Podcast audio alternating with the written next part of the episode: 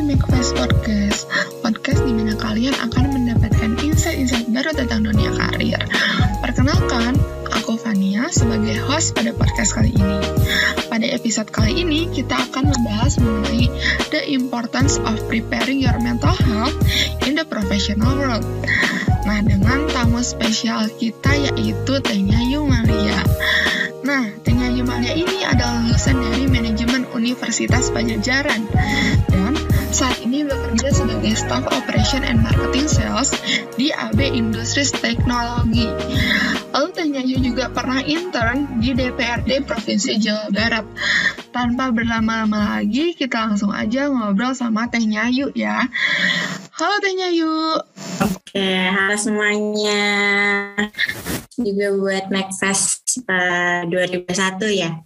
Uh, kenalin, aku Nyayu Malia. Uh, di sini bakal um, tahu kalian tentang gimana sih uh, cara nyiapin mental sebelum kalian masuk ke dunia kerja gitu.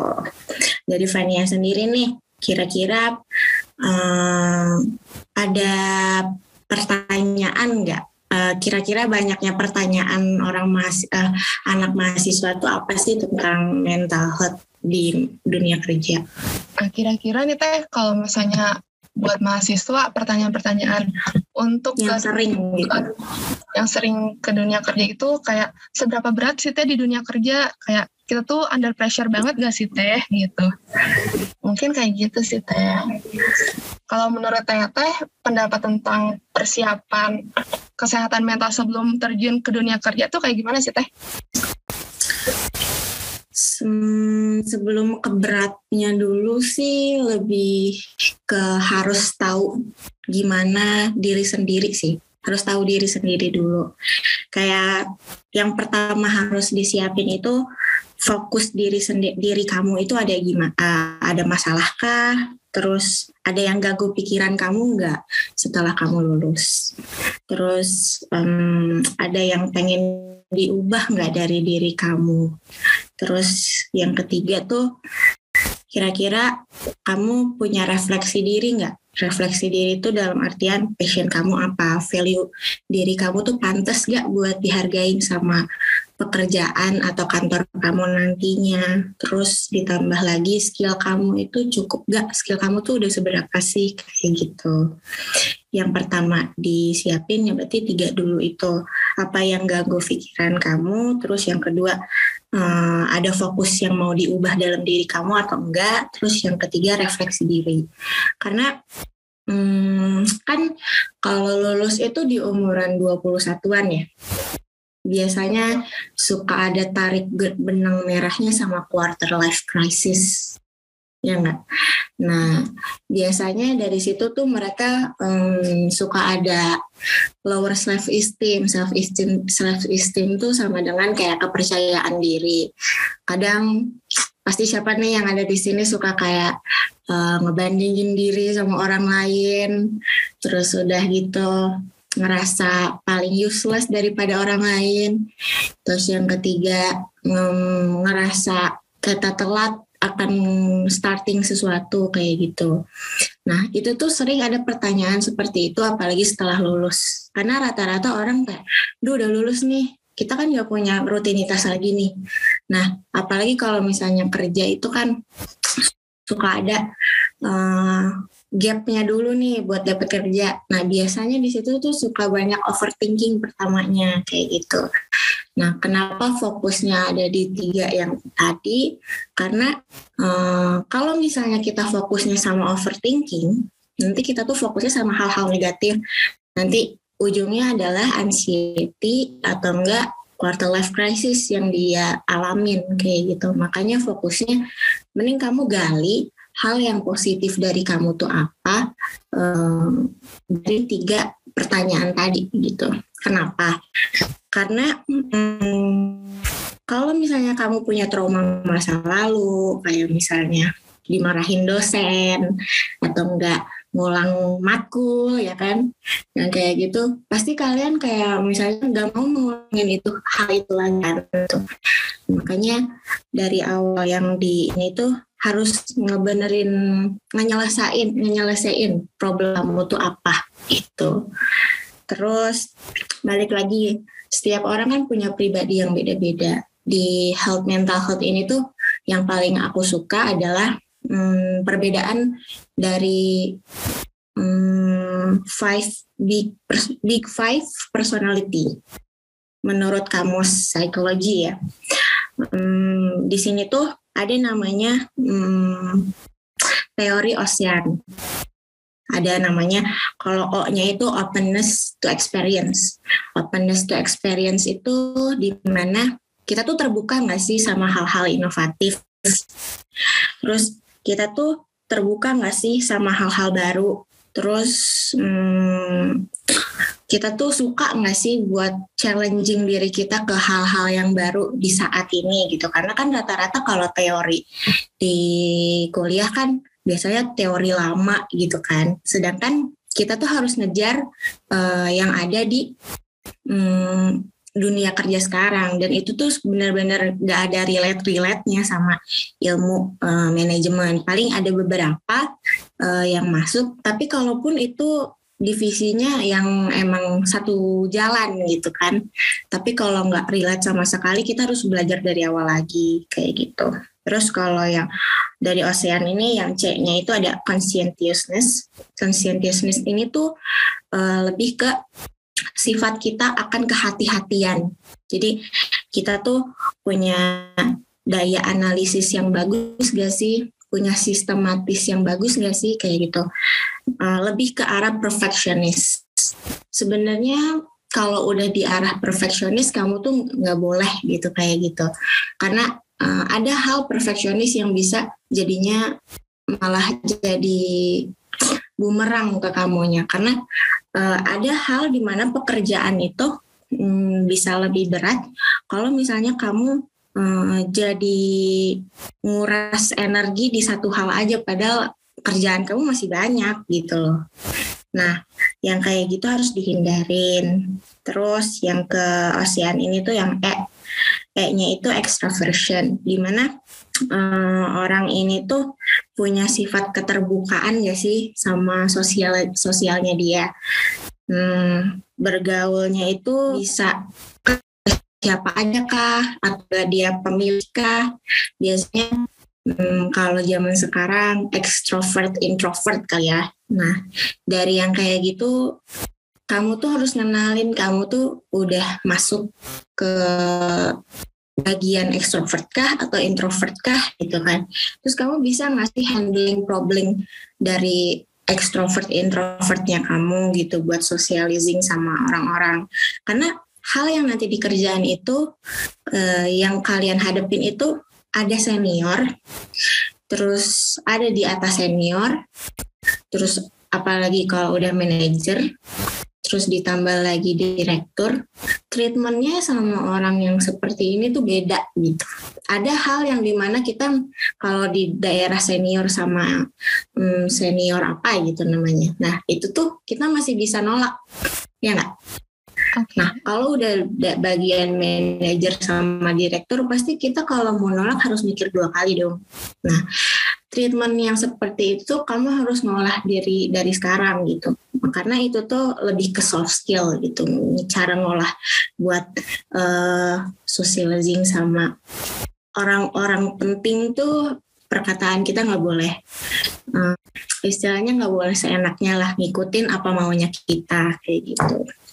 Terus yang A A itu agreeableness di mana uh, apakah kita tuh orangnya bisa punya penerimaan yang baik gak sih sama orang gitu. Contohnya um, mudah ngebangun interpersonal sama orang. Kira-kira uh, kamu bisa intimate kah sama rekan kerja kamu, kayak gitu. Bisa bekerja sama kah sama rekan kerja kamu. Um, bisa berkomunikasikah dengan pekerjaan kamu kayak gitu. Nah, kalau misalnya yang terakhir ada neurotism, di mana kamu uh, ada seseorang yang punya kecemasan. Biasanya kecemasan itu lebih ke kecemasan hidup. Uh, kecemasannya itu biasanya lebih ke dia pengen mengejar sesuatu tapi dia nggak mau berproses biasanya yang kayak gitu jadi dia sukanya kalau ada problem tuh pengen cepet selesai aja tapi nggak mau ngikutin prosesnya nah biasanya gitu cepet timbul cemasnya dan lebih apa ya ke pekerjaan juga jadi nggak bisa hmm, lebih baik gitu jadi nggak bisa nggak bisa maksimal kalau kata-katanya itu.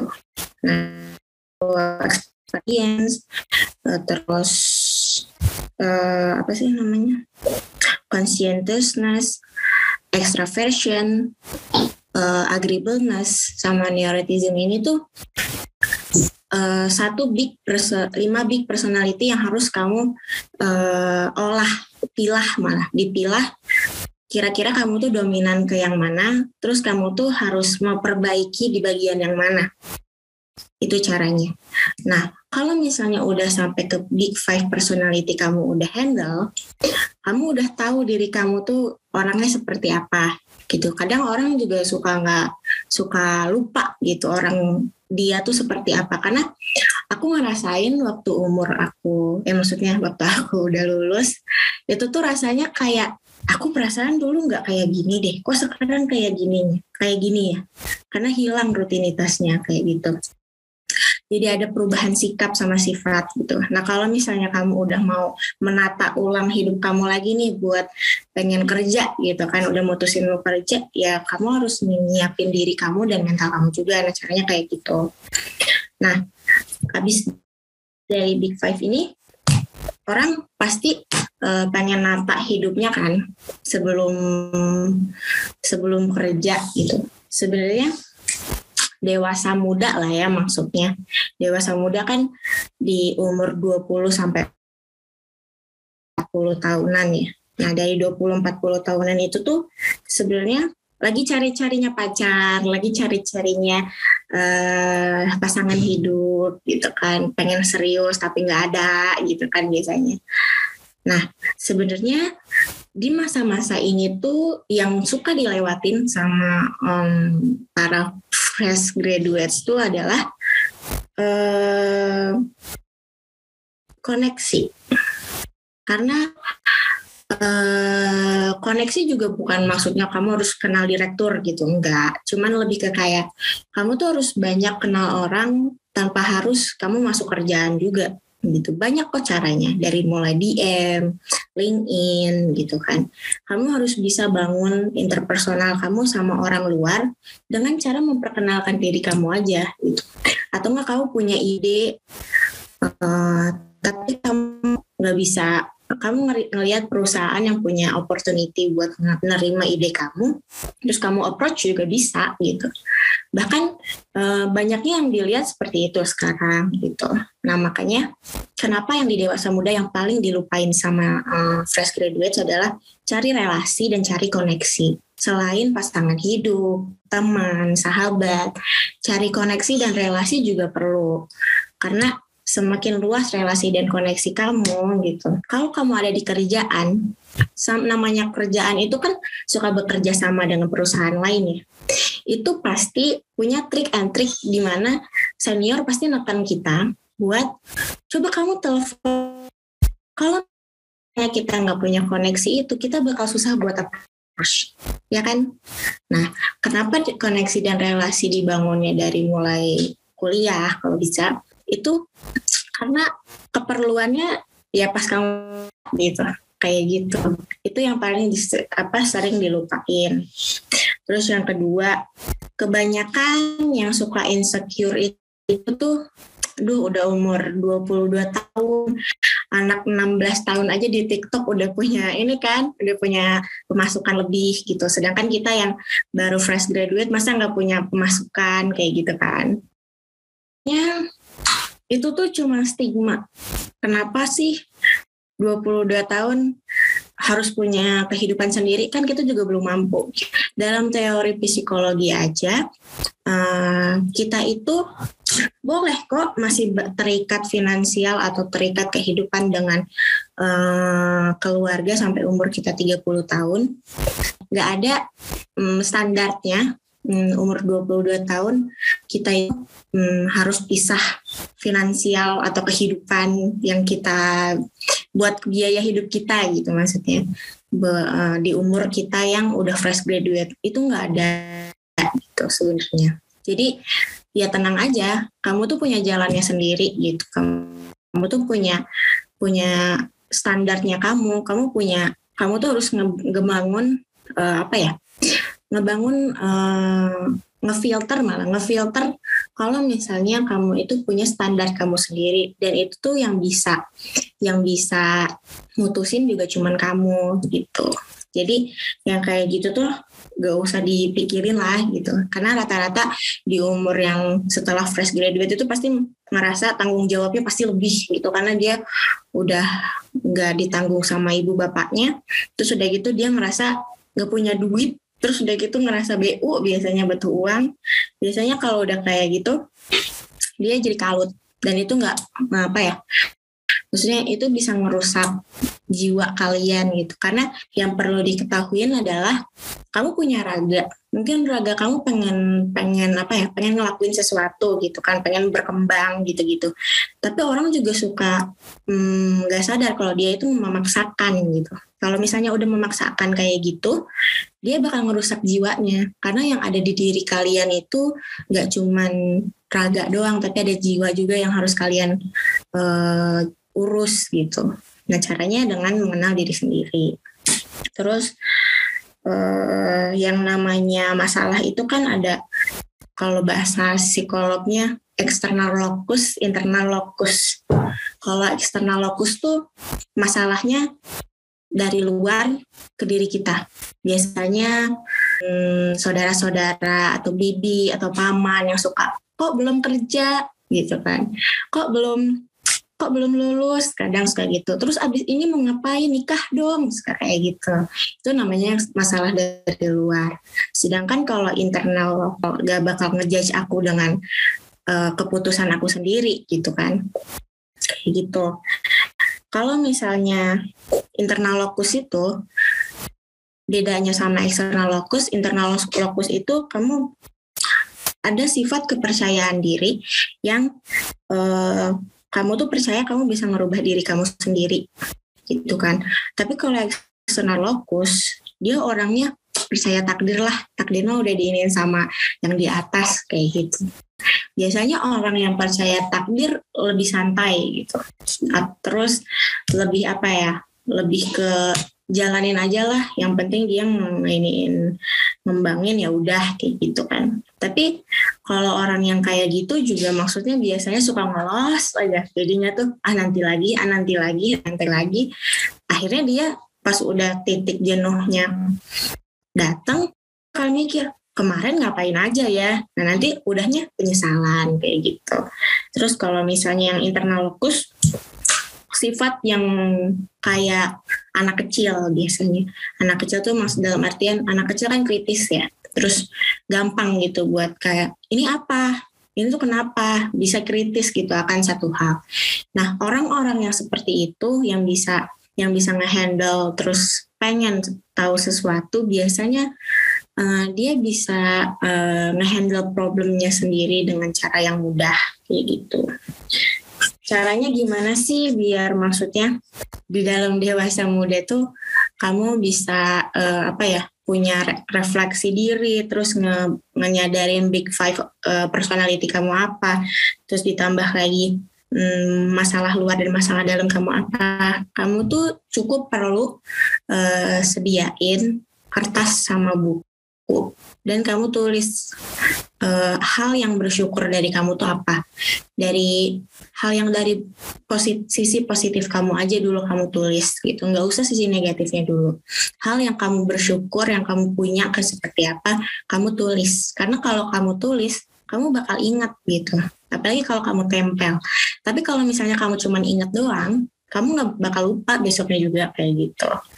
Nah, kalau misalnya hmm, dalam handling diri sendiri belum nemu juga, terus gak bisa ngerefleksi diri, bener-bener orangnya, aduh gue ngapain ya, aduh gue mau ngapain lagi ya, kayak gitu. Gak masalah kok buat ke profesional atau ke psikologi atau ke psikiater gitu buat nentuin kira-kira pekerjaan yang cocok tuh lebih seperti apa itu lebih bagus sebenarnya. Uh, dan banyak juga uh, psikiater-psikiater sekarang yang maksudnya um, lebih mengarahkan jobnya kita biar bisa kita bertahan lama di situ jadinya. Itu yang bagusnya kayak gitu. Jadi mereka yang menetapin kita cocoknya di uh, perusahaan apa biasanya kayak gitu. Nah, hmm, biasanya kalau misalnya udah ke arah lulus terus mau kerja, biasanya dia punya ekspektasi sama impian. Fania tahu nggak ekspektasi sama impian bedanya apa? Aku sih kalau ekspektasi mungkin yang kita mau, yang kita aduh agak agak agak tipis-tipis. Agak agak tipis-tipis ya. Ya. Kalau impian mungkin kalau nggak kenapa kenapa gitu. Ekspektasi.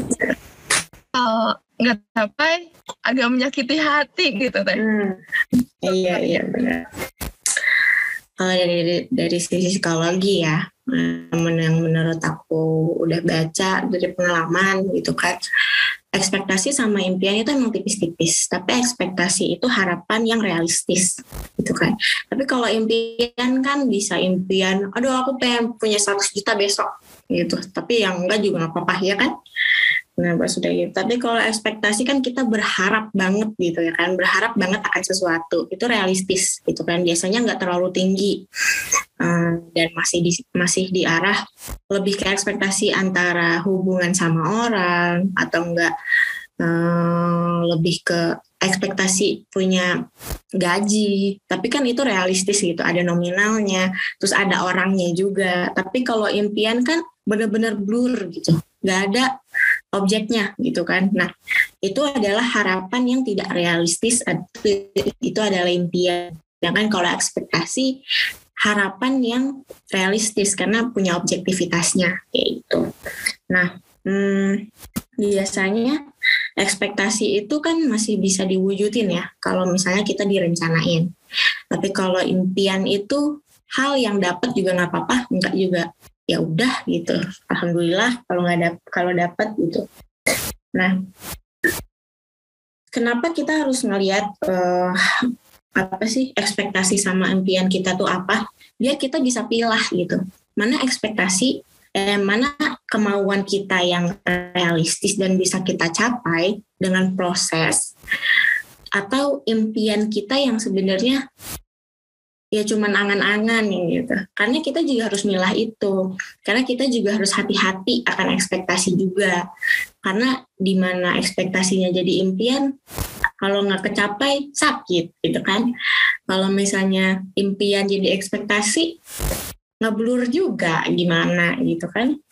Nah, kenapa uh, dalam oh ya aku ingat menurut William Shakespeare hmm, ekspektasi itu uh, adalah akar dari sakit hati.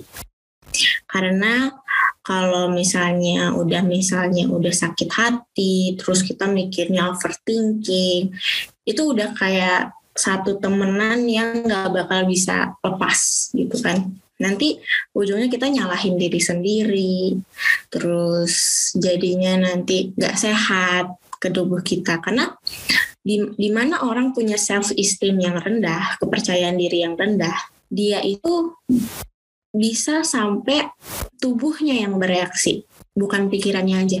Tubuhnya bisa kayak tanpa tahu apa sebabnya, sesak nafas, terus ditambah lagi gemeteran, kan gak enak ya kalau disatuin, kalau misalnya udah kayak gitu. Karena aku sendiri pun aku pernah loh sampai kayak gitu, karena saking nggak taunya aku tuh kenapa gitu aku tuh siapa aku tuh kenapa sih bisa hidup gitu kan. Bisa kayak gitu. Karena apa? Karena kita nggak tahu diri sendiri itu seperti apa gitu. Kita nggak mengenali sifat asli kita seperti apa. Karena selama yang kita tahu ya sekolah sekolah aja gitu. Mau itu susah mau itu gampang harus dihadepin gitu kan. Sedangkan kita nggak pernah mikirin diri kita tuh mau nggak sih ngadepin itu gitu kan. Sedangkan pas udah di arah kita lulus jadinya buyar dong. Kita nggak tahu siapa-siapa tentang diri kita gitu. Nah itu bisa sampai seperti itu gitu. Makanya itu harus dipilah dengan baik. Emosional yang tadi aku bilang itu harus di uh, kalian tulis. Kalau bisa kamu tuh punya diary tentang uh, ya kamu tuh seperti apa gitu. Tapi tentang diri kamu aja. Hidup kamu sebelumnya yang mau kamu maafin apa kayak gitu.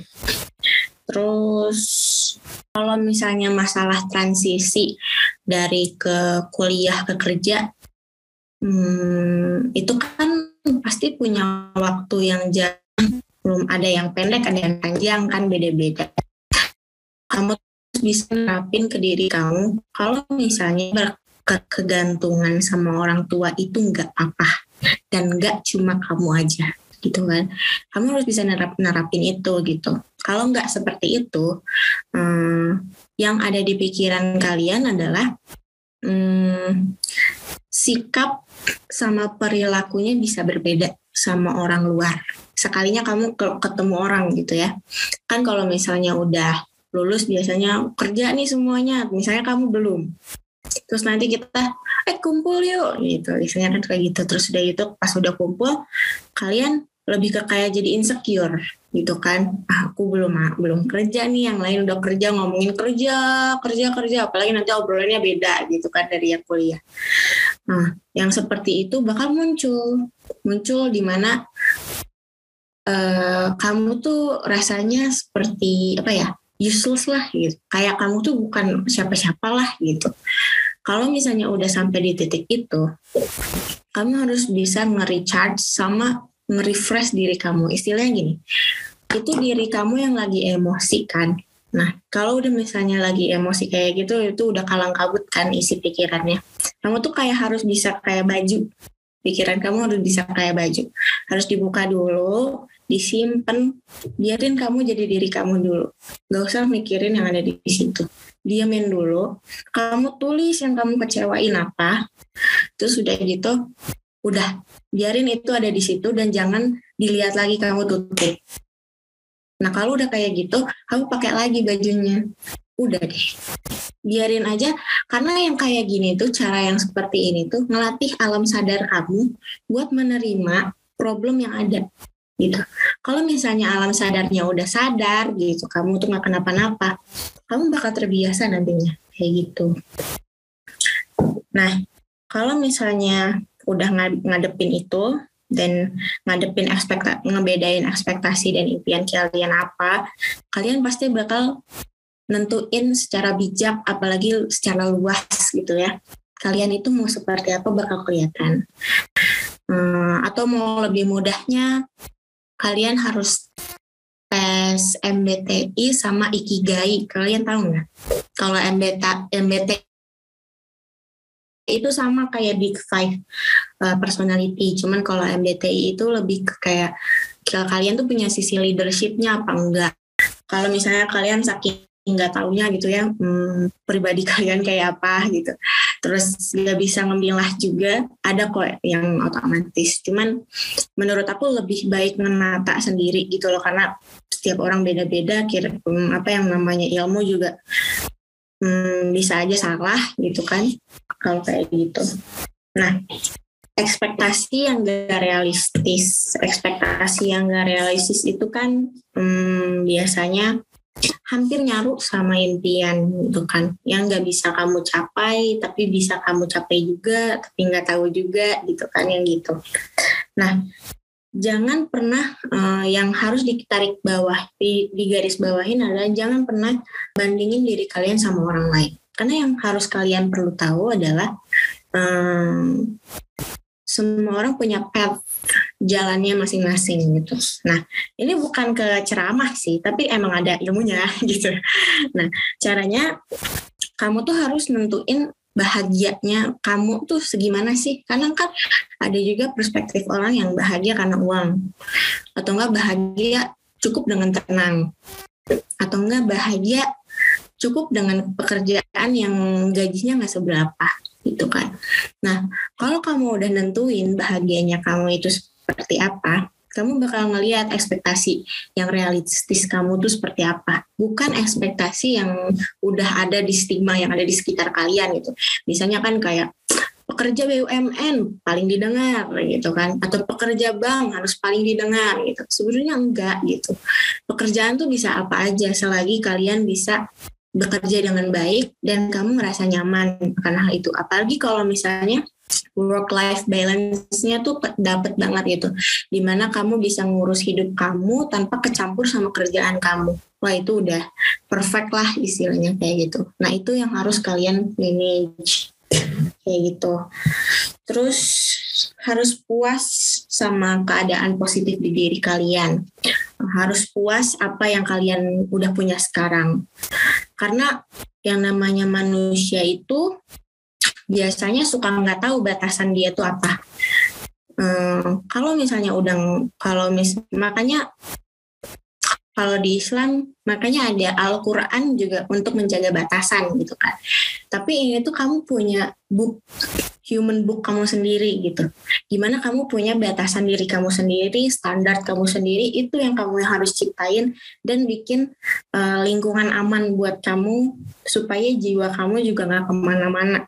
Itu caranya. Bikin lingkungan apa ya? Lingkungan pikiran kamu tuh clear gitu. Kalau misalnya udah kecampur sama stigma orang itu bukan diri kamu lagi gitu kamu bakal jadi orang lain gitu kayak gitu nah kalau misalnya udah kayak gitu hmm, kalian juga pasti bakal sadar gitu kalau udah ke tahap yang ke situ ke situ. Bisa jadi hal terbaik kamu sekarang tuh hal yang paling gak kamu sadarin. Contohnya kayak covid sekarang gitu kan. Ketemu sama orang dulu kita kayak kayak maksudnya hal yang biasa aja buat kita gitu kan. Oh ya udah kita ketemu. Kadang juga kalau ketemu aduh capek gitu kan. Nggak mensyukuri akan kita bisa ketemu orang itu hari itu gitu kan. Kita harus melihat ke sisi perspektif lain gitu. Di mana hal yang sederhana itu hmm, sebenarnya berarti buat orang lain gitu kan mau gimana lagi kalau misalnya kita ketemu sama orang? Orang itu sebenarnya bisa ngelakuin apa aja tanpa harus ketemu sama kita gitu. Kalau misalnya kita mikirnya cuma ah ya udah ketemu doang gitu itu nggak bakal berarti apa-apa. Paling cuma udah makan kenyang pulang gitu kan. Tapi kalau misalnya kita punya arti lain punya perspektif lain itu bakal lebih bermakna gitu maksudnya. Nah kalau udah mikirnya kayak gitu berarti kamu udah tahu cara ngejalanin uh, hidup kamu tuh seperti apa gitu.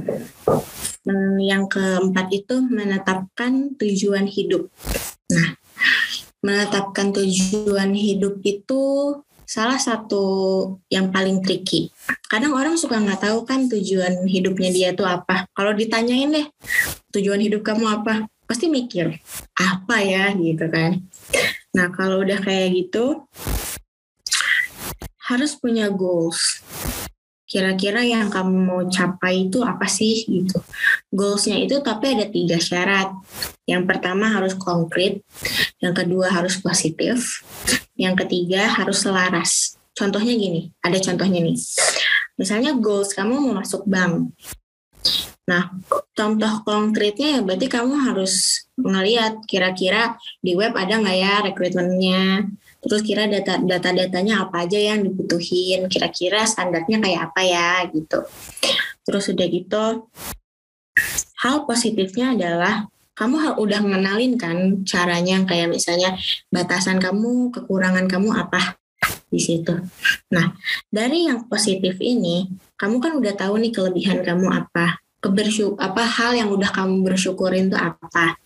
Nah, tinggal sisanya nih hal negatif dari diri kamu, kekurangan kamu yang perlu kamu kembangin kamu harus sudah fokus di situ kalau misalnya udah menetapkan tujuan hidup. Kalau misalnya udah ke situ, kalian uh, harus punya planning, progress, sama ending. Kalau misalnya dalam uh, positif eh dalam hal itu udah misalnya udah tertata, misalnya perencanaan untuk perubahan kekurangan kamu itu udah bagus kayak gitu.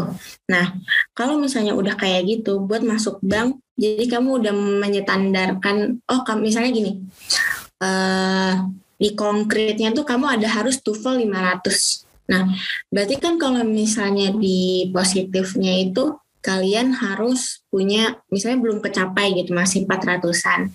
Nah, kalau udah di 400-an kalian tuh jadinya harus punya progres, terus planningnya harus berapa lama yang gitu-gitu. Sampai akhirnya kamu ngecapai TOEFL yang standar eh, bank mau, misalnya kayak gitu. Nah, kalau misalnya udah di titik positif itu dapat, eh, kamu bakal nyesuaiin, misalnya udah masuk ke bank ya, terus kamu bakal ada eh, goals yaitu selaras. Selaras tuh gimana?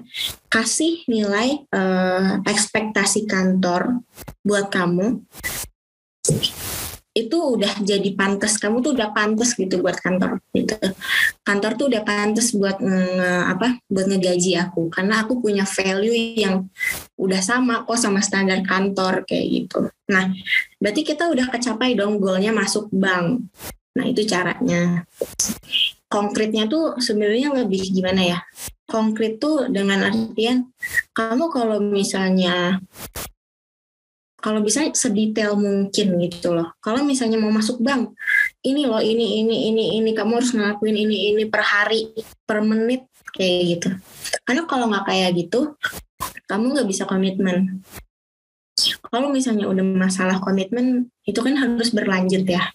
Kalau udah berlanjut seperti itu, kalian harus misalnya komit gitu. Apa ya? Nggak boleh nyeleweng sedikit pun gitu. Kalau misalnya emang kamu pengen nyetujuin ya menetapkan tujuan hidup kamu gitu karena biasanya orang-orang kalau misalnya udah gak bisa gak bisa aja nyerah gitu kan. Dia rata-rata pengen skip proses gitu.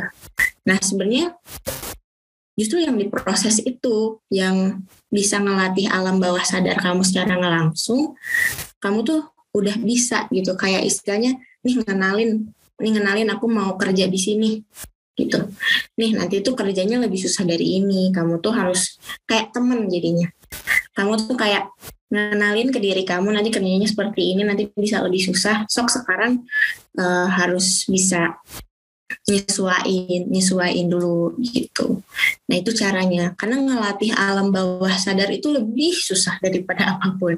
Karena alam bawah sadar itu kan ada jiwa yang udah kita bawa dari hmm, umur kita nol gitu dari di dunia. Nah kalau udah kayak gitu kan tubuh eh jiwa kita udah tak udah ngerti gitu. Gimana kita bertumbuh gimana kita biasanya seperti apa. Sedangkan kita pengen ngerubah kebiasaan kita nah dengan cara harus ngerubah alam bawah sadar kita sendiri dulu. Karena kalau dipaksain, ada halnya kayak gini rasanya. Kalau misalnya kita nih misalnya pengen contohnya olahraga pagi deh jam 7 pagi, tapi kita nggak pernah olahraga sebelumnya. Uh, emang kan hari pertama itu selalu berat gitu, tapi kalau misalnya nggak sama sekali juga salah gitu kan. Makanya kalau misalnya kita udah ngelatih itu lama kelamaan, lama kelamaan, nanti ngerasanya butuh itu yang dilatih sama alam sadar. Kenapa kita harus punya kebiasaan yang beruntun dan rutinitas yang sama? Karena biar kita tuh bisa siapin diri kita buat uh, hal nanti di pekerjaan itu seperti apa gitu karena kita nggak pernah tahu di pekerjaan kita dihadapin sama apa ya kan kalau misalnya udah masalahnya lebih ke arah buntu yang kayak gitu biasanya stresnya lebih tinggi daripada apa pun bahkan biasanya jadi ikut campur sama pikiran kita yang ada di rumah gitu nantinya kan efeknya sama keluarga yang kayak gitu dan nanti lebih luas lagi gitu makanya handling dari diri sendiri tuh harus dipupuk dari sekarang kayak harus jadi buku diary kamu, PR kamu buat ngenalin diri kamu. Kayak gitu. Nah, terus kalau misalnya kamu udah punya planning nih, goal kamu apa? Uh, kamu juga harus um, punya backup plan.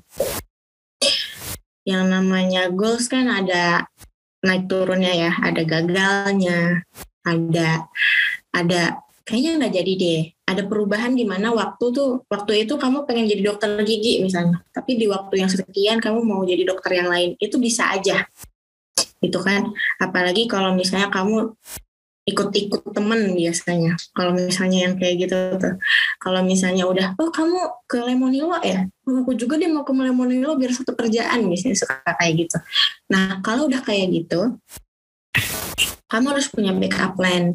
Backup plan ini terserah kamu. Kalau misalnya misalnya uh, kamu mau goals tentang goals kamu yang awal ya siapin goals kamu yang awal.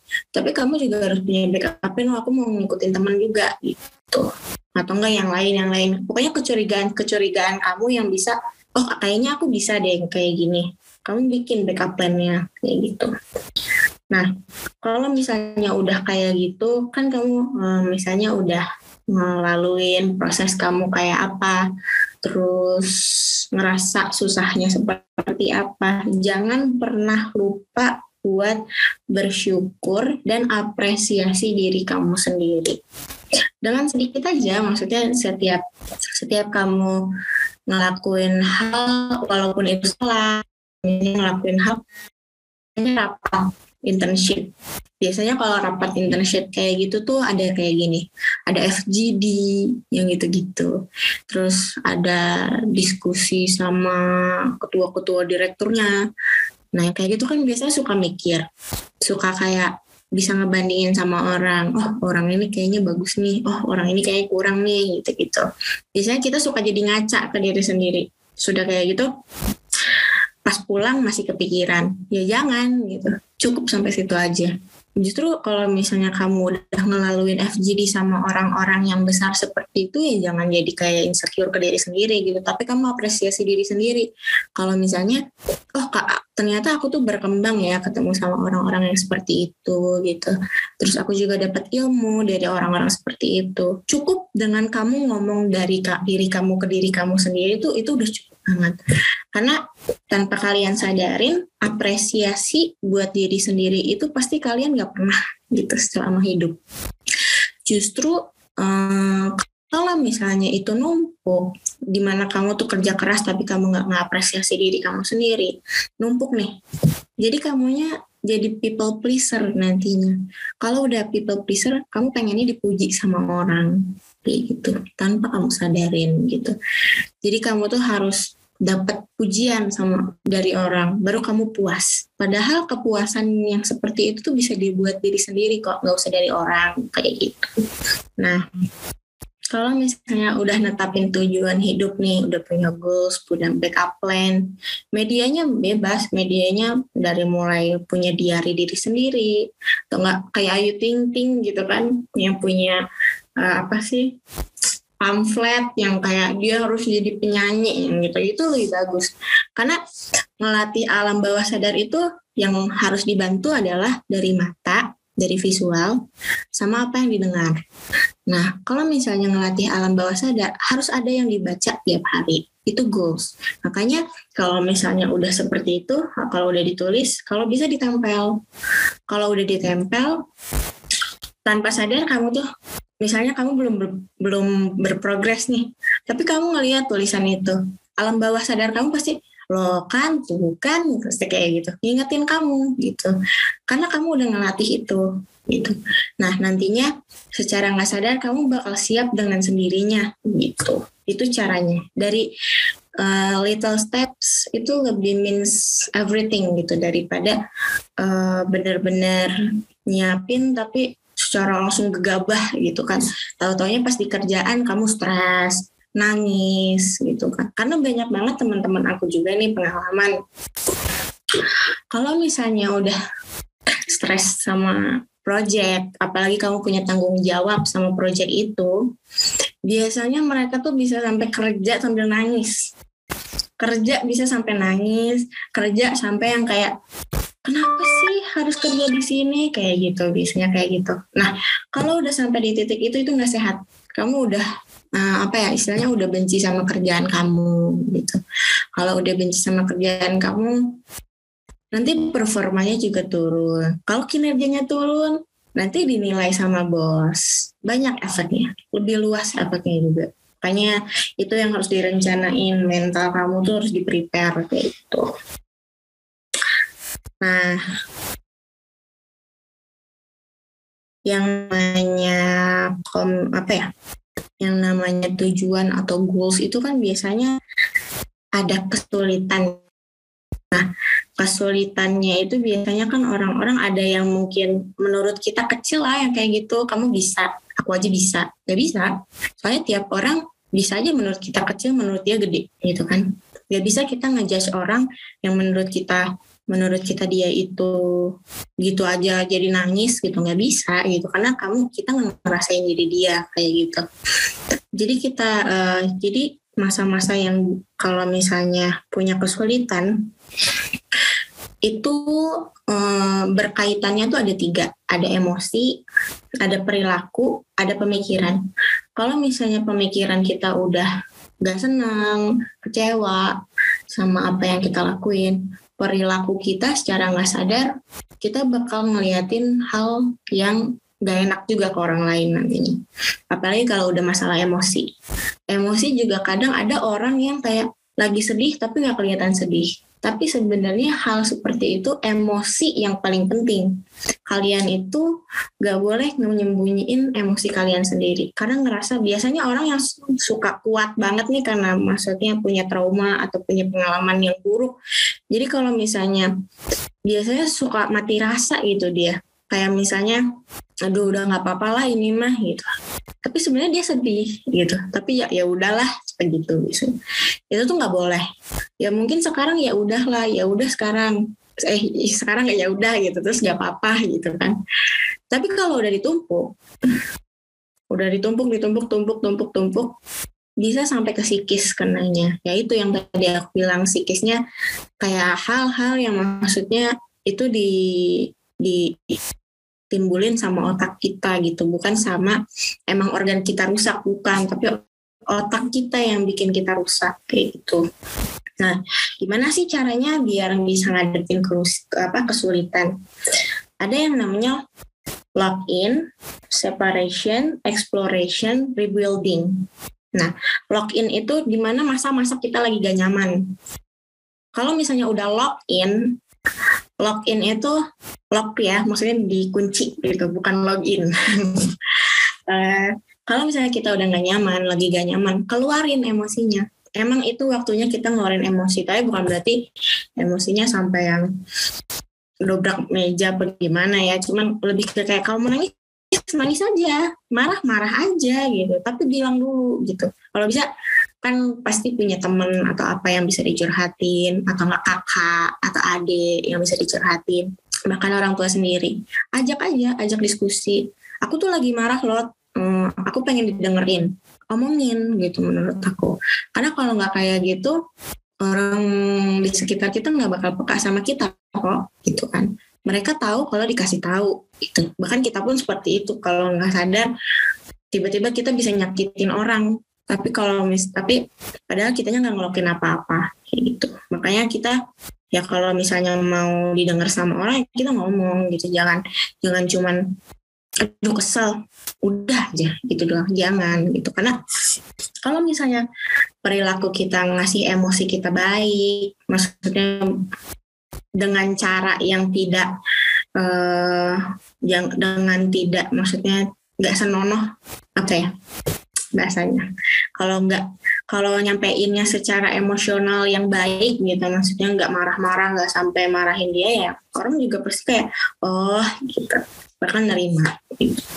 Nah kalau udah ngerasa, udah ngeliat apa uh, ngeluarin rasa nggak nyaman itu itu lebih baik di masa-masa yang itu biasanya masa-masa awal gitu kan. Nah kalau misalnya udah kayak gitu kalau udah di masa sulit, biasanya separation, meninggalkan aktivitas. Biasanya kalau misalnya tadinya kita lagi sulit, terus jadinya nggak mau kumpul, nggak mau kumpul sama temen gitu kan, nggak mau ketemu orang, nggak tahu ketemu, nggak mau ketemu keluarga karena takutnya dibanding-bandingin.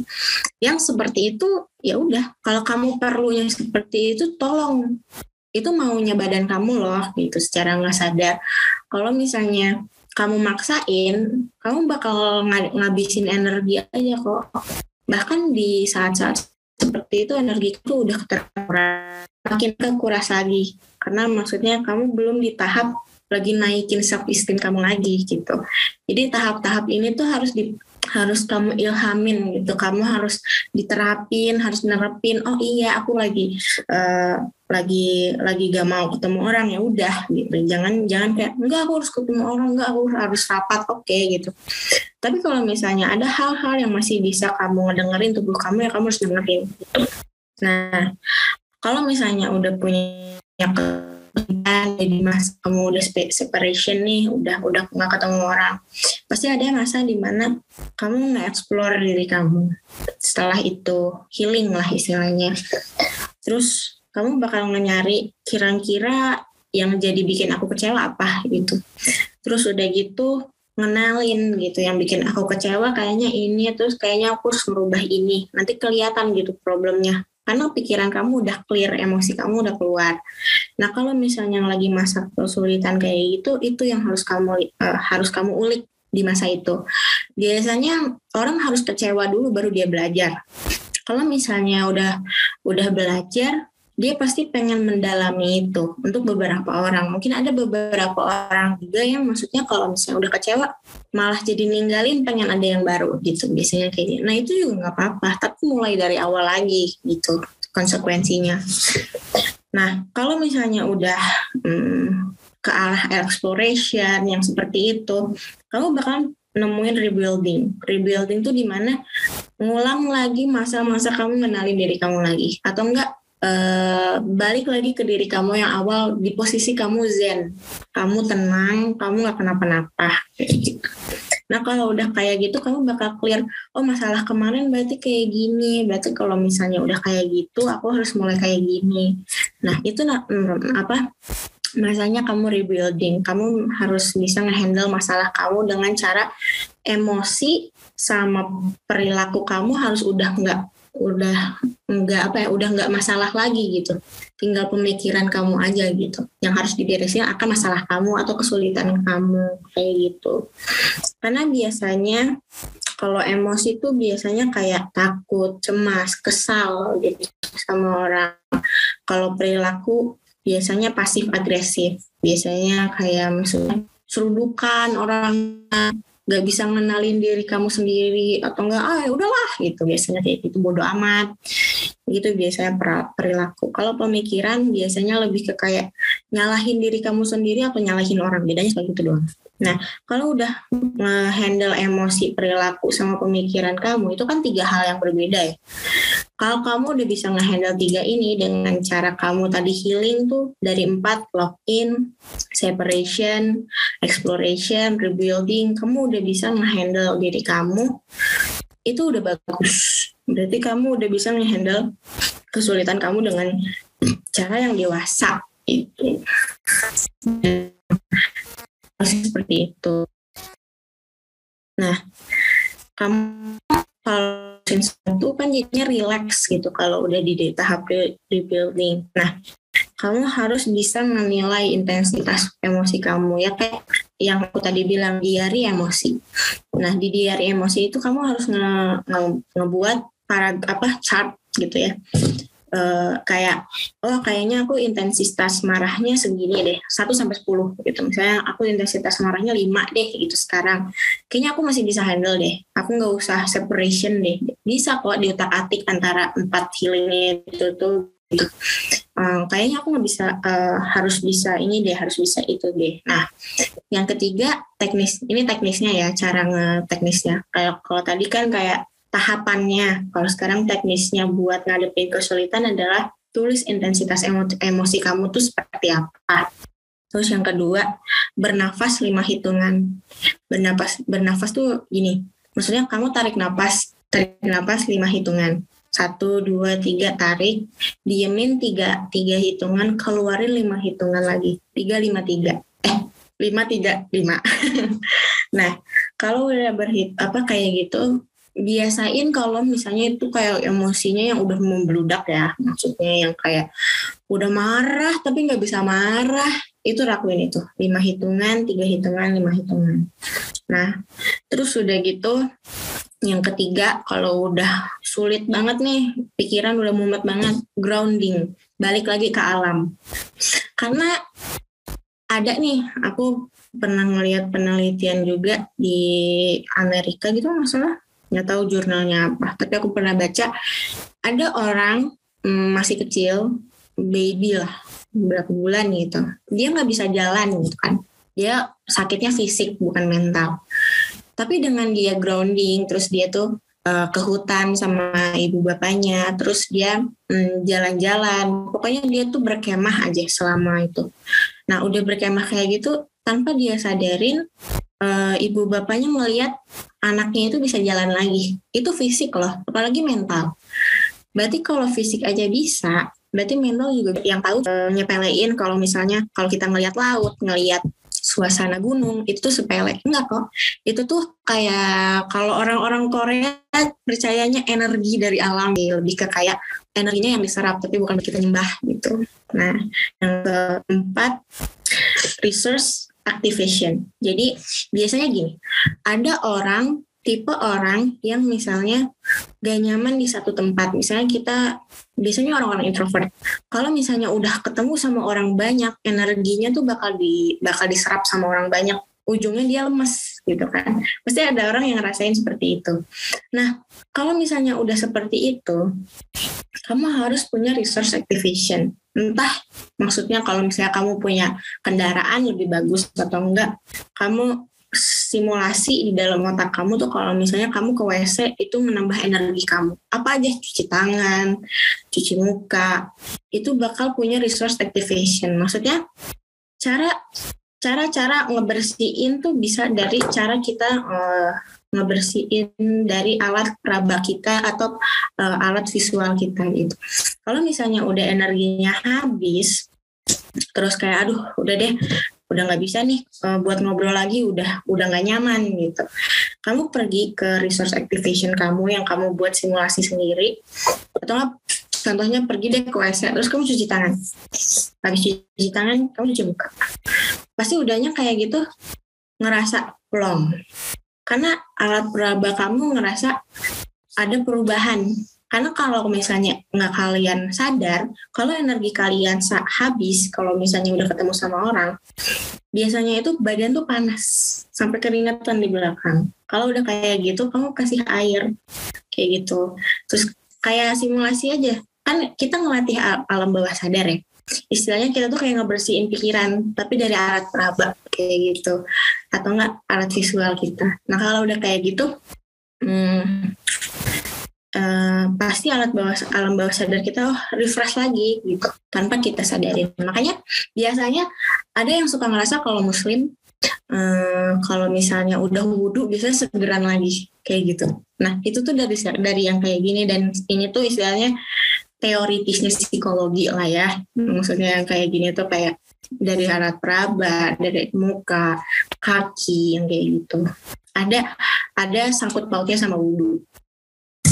Kalau secara Islam, kalau yang nonis terapin aja karena emang ini ada ilmunya kok dari psikologi gitu.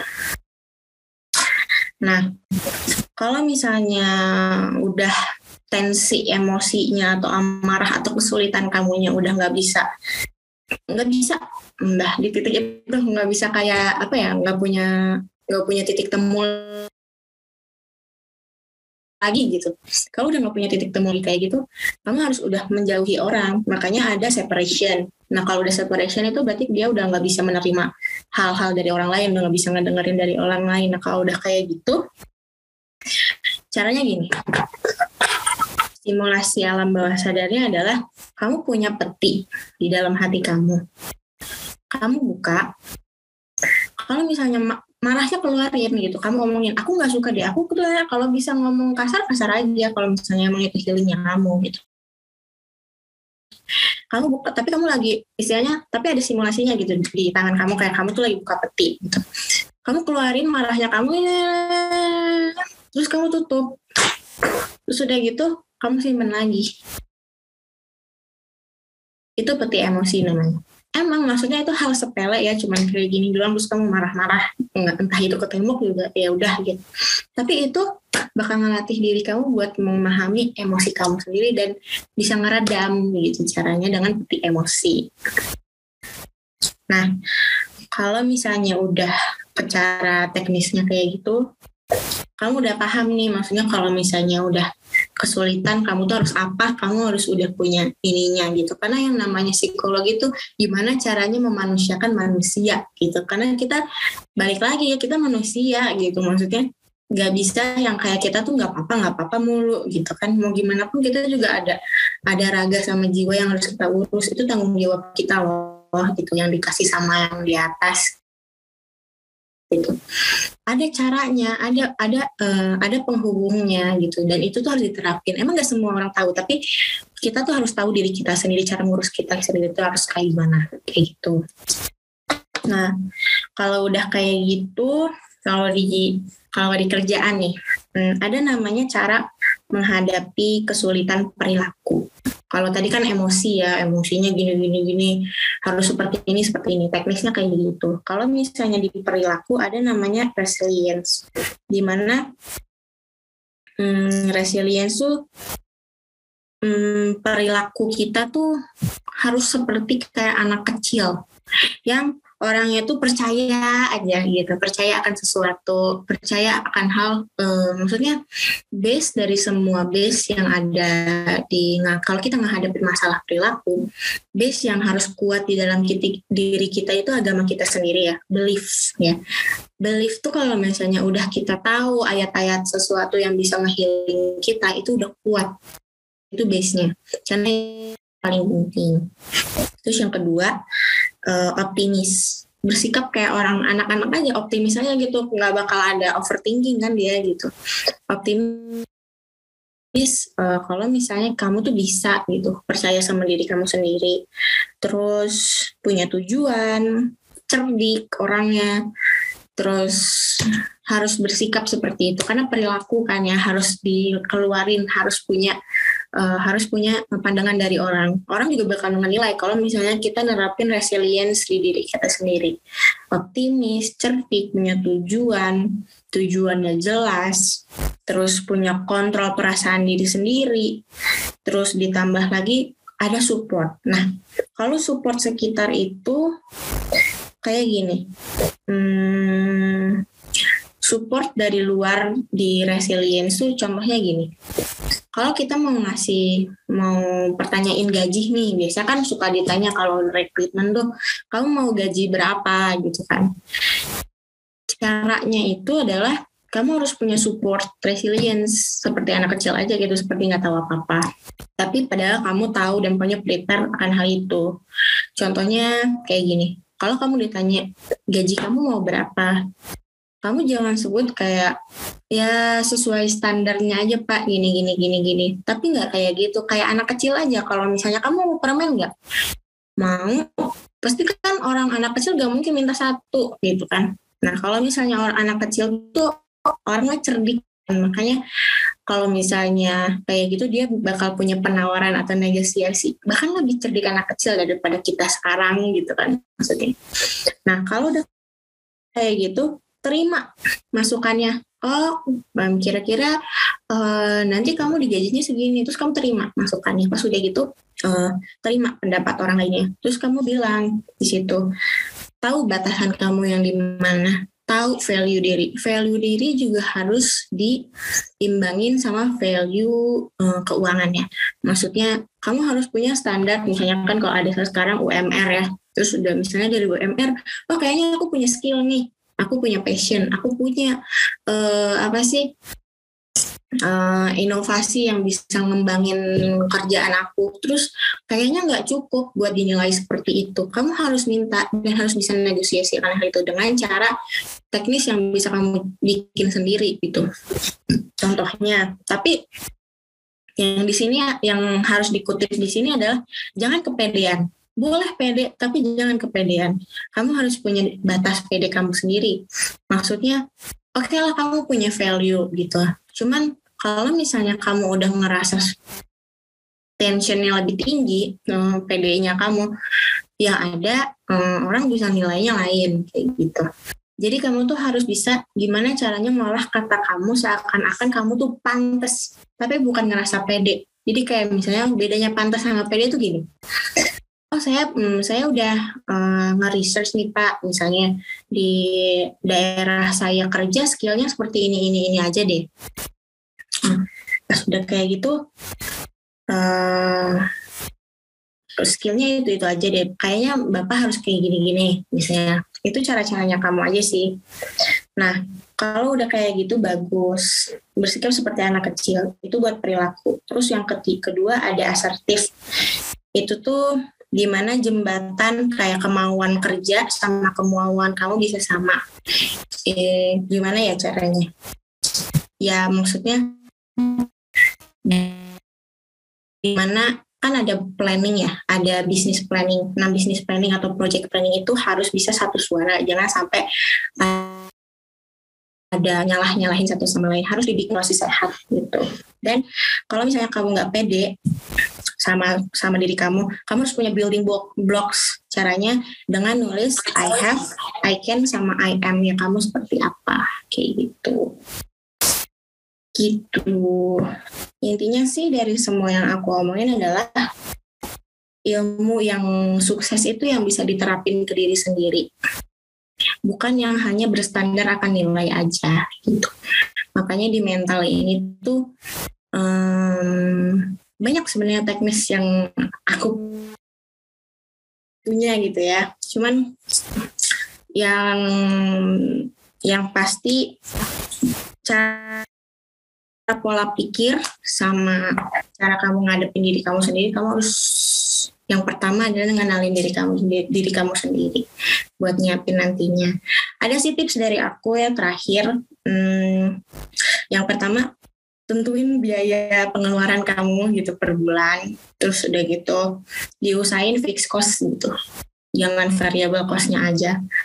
Terus um, bikin standar kepuasan hidup kamu sendiri. Hmm, yang ketiga bikin goals yang tadi aku bilang tujuan hidup kamu mau kayak apa tapi terstruktur dan realistis perhitungannya. Terus harus jaga self esteem atau kepercayaan diri kamu biar pikiran sama kepercayaan diri kamu tuh seimbang.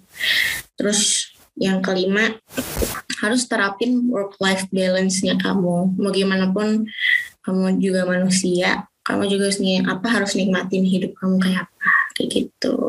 Udah deh, kasih. Oke, makasih banget ya atas insight-insightnya.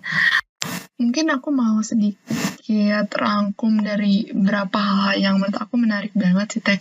Mulai dari kita tuh punya jalannya masing-masing. Kita tuh harus tahu dulu nih problem kita tuh apa dan sebelum kita masuk ke dunia pekerjaan tuh kita harus selesaiin dulu nih masalah apa sih yang harus kita selesaikan. Terus juga kita bisa menggunakan nih Big Five Personality buat tahu diri kita tuh masih perlu apa. Dan untuk rangkuman lebih lengkapnya juga Teh Nyayu tadi udah sebutin ya Teh. Uh, mungkin aku pengen sedikit nambahin sih Teh. Uh, aku tuh pernah dengar nih Teh dari psikolog aku bahwa sebenarnya kita tuh nggak usah pikirin hal-hal yang sebenarnya nggak bisa kita kontrol. Jadi kita fokus aja nih sama hal-hal yang sebenarnya bisa kita kontrol. Mungkin dari diri kitanya sendiri, kita harus berjuang seperti apa. Untuk hal-hal yang bisa kontrol, kita serahkan aja nih kepada Tuhan. Benar. Sebisa mungkin kayak gitu ya, Teh. Ya. Jadi kayak, ya udah deh, udah amat gitu. Oke, oh iya Teh, hmm. boleh dong kasih pertanyaan menarik gitu Teh, buat para penonton kita karena nanti bakal ada hadiah nih buat jawaban menariknya gitu. Boleh dong Teh? Oke. Hmm, apa bedanya uh, emosi perilaku sama pemikiran. Menarik banget gitu ya. agak-agak itu deh juga gitu. Mm-mm. biasanya yang kayak gitu suka mikir orang jadinya Oke, karena kita udah denger nih pertanyaan dari Tehnya Yu dan kita juga udah denger insight-insight yang keren nih dari Tehnya Yu. Mungkin kita sudahi saja podcast kali ini.